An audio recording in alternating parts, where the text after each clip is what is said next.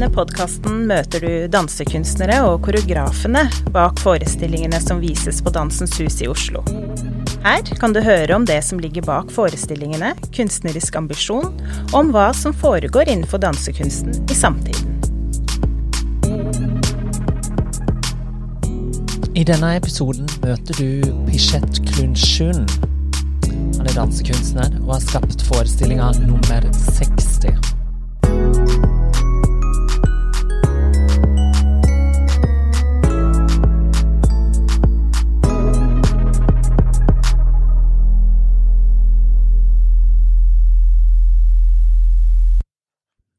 Hei. Jeg heter Jonas Øen. Jeg er formidlingskonsulent ved Dansens Hus, og i denne episoden av Dansens Hus podkast skal vi møte Pishet Klunshun. Klunshun er kanskje Thailands største danseeksport. Klunshun begynte å studere tradisjonell thailandsk dans, kalt kondans, da han var 16 år gammel som der fokuset ligger i eh, klassiske masker og 59 grunnposisjoner. Dansen ble utvikla i det 17. århundre som en hybrid av hinduistiske militære ritualer og thailandsk kampsport. Det som er, er at Klunsjun starta ganske seint å studere denne forma for dans, og ble derfor aldri helt sett på som seriøs av de store mesterne innenfor kunstformen. Da han i 2002 reiste til USA, møtte han for første gang moderne dans og samtidsdans. Og dette møtet med dansen av dagen gjorde at han endra synet sitt på dans betraktelig, og at han ville utvikle forståelsen for, og den tradisjonen som er kondans. Da han kom tilbake igjen til Thailand, starta han Pichet Klunchun Dance Company, der han eh, ville utvide da ideene rundt korndansen, og hva den kan være, og hva den kan bety. Siden den gangen så har han eh, turnert verden over, de største scenene i verden, både på operahus eh, og dansefestivaler, og har vunnet samtlige priser. Han har mellom annet gjort et samarbeid med den franske postmodernistiske koreografen Jérôme Bell, som han egentlig skulle komme og vise her i 2010 på Dansens Hus. Han har òg vært på Operaen i Oslo, der han på prøvesal to viste stykket Nijinski Siam, der han utforska Nijinskis og Ballerys orientalske inspirasjon. Nå er jo orientalsk et vestlig fenomen, men han ville da gå inn i åssen Vesten har tolka det som er hans tradisjon. Videre kan dere høre intervjuet med Pishet Klunshun, der han snakka om forestillinga nummer 60, som nå skal vises på Dansens Hus.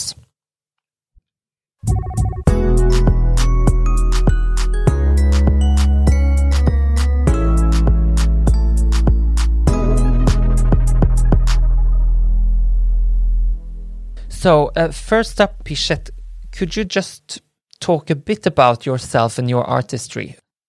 Basically, I uh, identify myself just a dancer. Yeah. Yeah, it's a dancer. And you come from a tradition that is called Khon dance. National dance. Uh-huh. Yes, it's national dance. Uh, this dance is is created by a king Mm. And a Khon dance is very like relates to the concept of uh, rebondings of the king. Re- reincarnation. The reincarnation of the king. Because we believe the king is the one of the main character in Khon's performance. Uh-huh. Yes, and Kone is uh, represents the king in Thailand. Mm. Yeah. And before uh, the Buddhists, uh, because Thailand now we are a Buddhist country. Before that, we are in in Pram. We're not a Buddhist country. And Khon is came from India.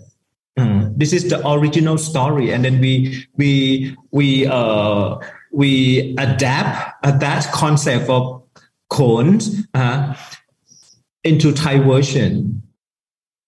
I understand that you have to uh, gradually work yourself up within Khon and how you learn it in a way. Uh, it takes a lot of time and it is very intricate. Western classical ballet has five positions. You have 59. Okay, from the beginning, I'm not a major of dance. Uh-huh. Yes, in Thailand, when you when you want to study Thai classical dance, Khon, you have to go to the National School of Dance in the fine art uh-huh, from uh, junior high school. Mm-hmm. And until you graduate, uh, but for myself, uh-huh, in high school, I my major is physics and science in the normal school. Yeah, and uh, by yeah by by I don't know by destiny or by accident. Yeah, I met the master of Khon and then I follow him and study at his house. How do you define your work now? Uh, I'm wow. Okay. I think I can do I can do both. Uh-huh. I can still perform in the traditional performance, and then I create mainly I create a contemporary work. But the company we are still practicing and learning a basic of Khon's training, uh, and then we uh, uh, develop the knowledge from that basic into the contemporary work right now. How did you start dancing? You said it wasn't by coincidence or by chance, but what actually happened? In that time, I'm 16, okay, 16, uh, 16 years old. And I think I, I has a lot of the energy. I went to school and then I'm, uh, I'm fight with the people in my high school almost every day. Uh-huh. Yes, a teenager. And when I met him, and then he gave me a movement, I feel I can digest my, my energy. I can deal with my power and then control this power as like a teenager, create a movement or, or create some uh, feelings and emotion. Yeah. Mm-hmm. In, in the arts form. Mm-hmm. Yes. And in another idea, I think my master, he's a, the giant character. When you study Thai classical dance, we have uh, four different character, males, female, giant, and monkey. Uh, uh, for the giant character, you you you use a lot of uh, like stamping, power, and energy. I think it's very collect in that moment for for for the young boy. You have been to Norway before. You were here in 2014 performing your works uh, Chui Chai and Nijinsky Siam. Yes. And you're coming now to Dansens Hus in September performing number 60. Mm. How do you describe this piece? Can you tell us a bit about the piece and what it's about? Uh, the, the piece is about a freedom of myself.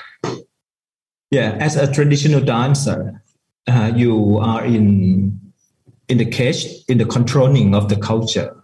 Mm. You have a layer. You have a god to protect the movements. You have a master to decide your movements, to decide the body. Uh, and you have a culture. You have a people in your country. Yeah, yeah. They are very like look at you. You go into the right way or you into the wrong way of the tradition. Yeah. For myself, uh, I start in this project number 60 from 2004. Yeah, from 2004, uh, the idea of the number 60 is came to my mind. How can I make my body and then my my my my idea and my spirit become a freedom? Uh, yeah, and relate and connect into the traditional uh, concept or movement or knowledge. Uh-huh. And this is take a long process of, of research. The Nijinsky is a part of the research of the number 60 because from the beginning, I'm just like looking for how can I deconstruct myself, deconstruct my body, or deconstruct a tradition and create a new way and the Nijinsky is one of the exam from the Western point of view. Yeah. When he saw Thai classical dance in 212 year, 212 year, 100, 112 year ago, and he tried to combine the movement from the Western ballet, the ballet classic into the form of tradition. I think this is one of my research. And then he gave me a lot of idea. Uh, how can I deconstruct and combine a new way of the pose uh, from the number 60? Yeah. And the number 60 is continue, continue until the number uh, 2015. Uh-huh. The diagram is finished. Yeah, from the concept and start into writing down about the diagram. And then for, from 2015 and 2019, in four year, we practice with the dancer in company how we can use that diagram and the concept of uh, the idea, deconstruct, uh, and then create uh, the elements from the tradition into a new body or a new way of movement. And 2019, we uh, create a production number 60. Mm-hmm. So it's kind of an emancipation of the body that has been so formed and so shaped and so in a way imprisoned by the traditional dance system. Yes yes. And in another idea is to give another chance or another opportunity for the student right now when they went to the national school of dance or they study thai classical dance and they are looking for for themselves in uh, uh, to make them a, a freedom uh-huh. or they can use the concept of the number 60 to create uh, a piece or to use the knowledge of the number 60 for themselves to find their own uh, identity uh, and, and, to become artists uh, in the future this is what i what i want so I understand that you want to embrace the sense and soul of Thai legacy with your work. Mm. Is this your biggest ambition with your work? Yes. Or mm. yes. What else do you feed your work with? What other aspects or what other ambitions? From the beginning, what I say, I'm not from the, the, the National School of Dance. Yeah, that is mean they are not accept me a part of the traditional dancer. I want to prove myself. Yeah, I want to prove myself. I want to prove my work uh, with Thai people and Thai community. I know, I know Thai classical dance, and then I a part of it. Yeah, without went to the National School of Dance. Uh, I think this is one I one one one thing to to force me to put me yeah to to create work. Uh-huh. Yes, and uh, a dance career.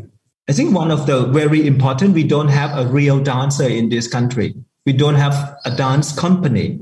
I think this is a model for for for for the people uh, for for for young generation for the family they want to to uh, send uh, the kids into the dance school and then they can have the idea how you graduate and then you can become a dancer, become an artist, you can have a job, you can have a theater, you can have a production.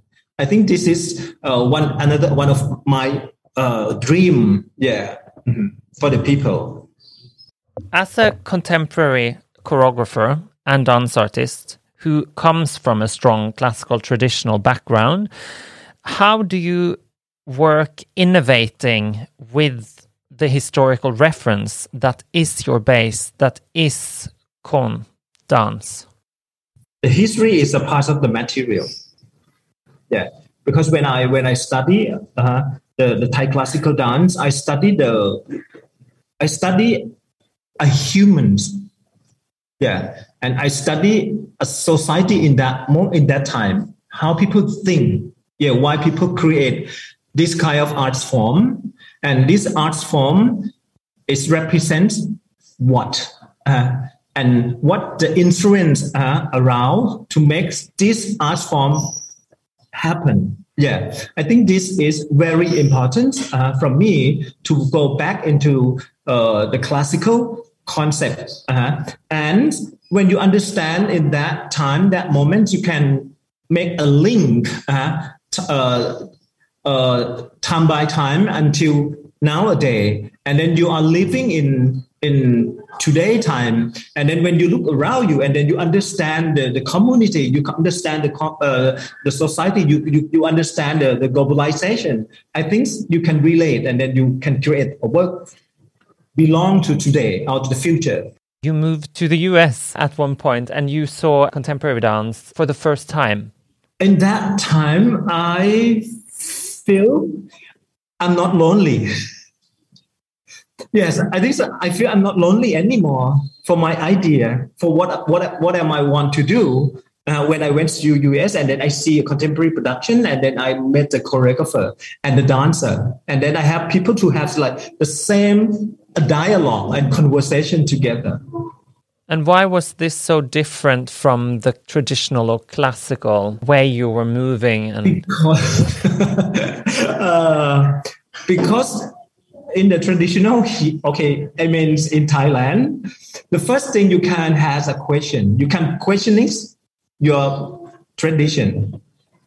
You can criticize. Uh, you cannot criticize, uh, and then everything is belong to your master yeah you your body and yourself i think as the object. I think the number 60 is um, is create a future for thai classical dance if they are agree in my idea. If they are accept and then take this concept into the dance class and give this to dance students and now we are developing the concept of the number 60 from from from the body from the dance into the digital concept. Uh-huh. yeah. We create a platform of the metaverse for the number 60 again the number 60 is a part of democracy in thailand. We want to make a freedom of the a freedom of people here for the body movement. Dansens Hus podkast er en inhouse-produksjon laget av formidlingskonsulent Jonas Øren. Musikken er skapt av Bassmo Beats, og mitt navn er CC Kolstad.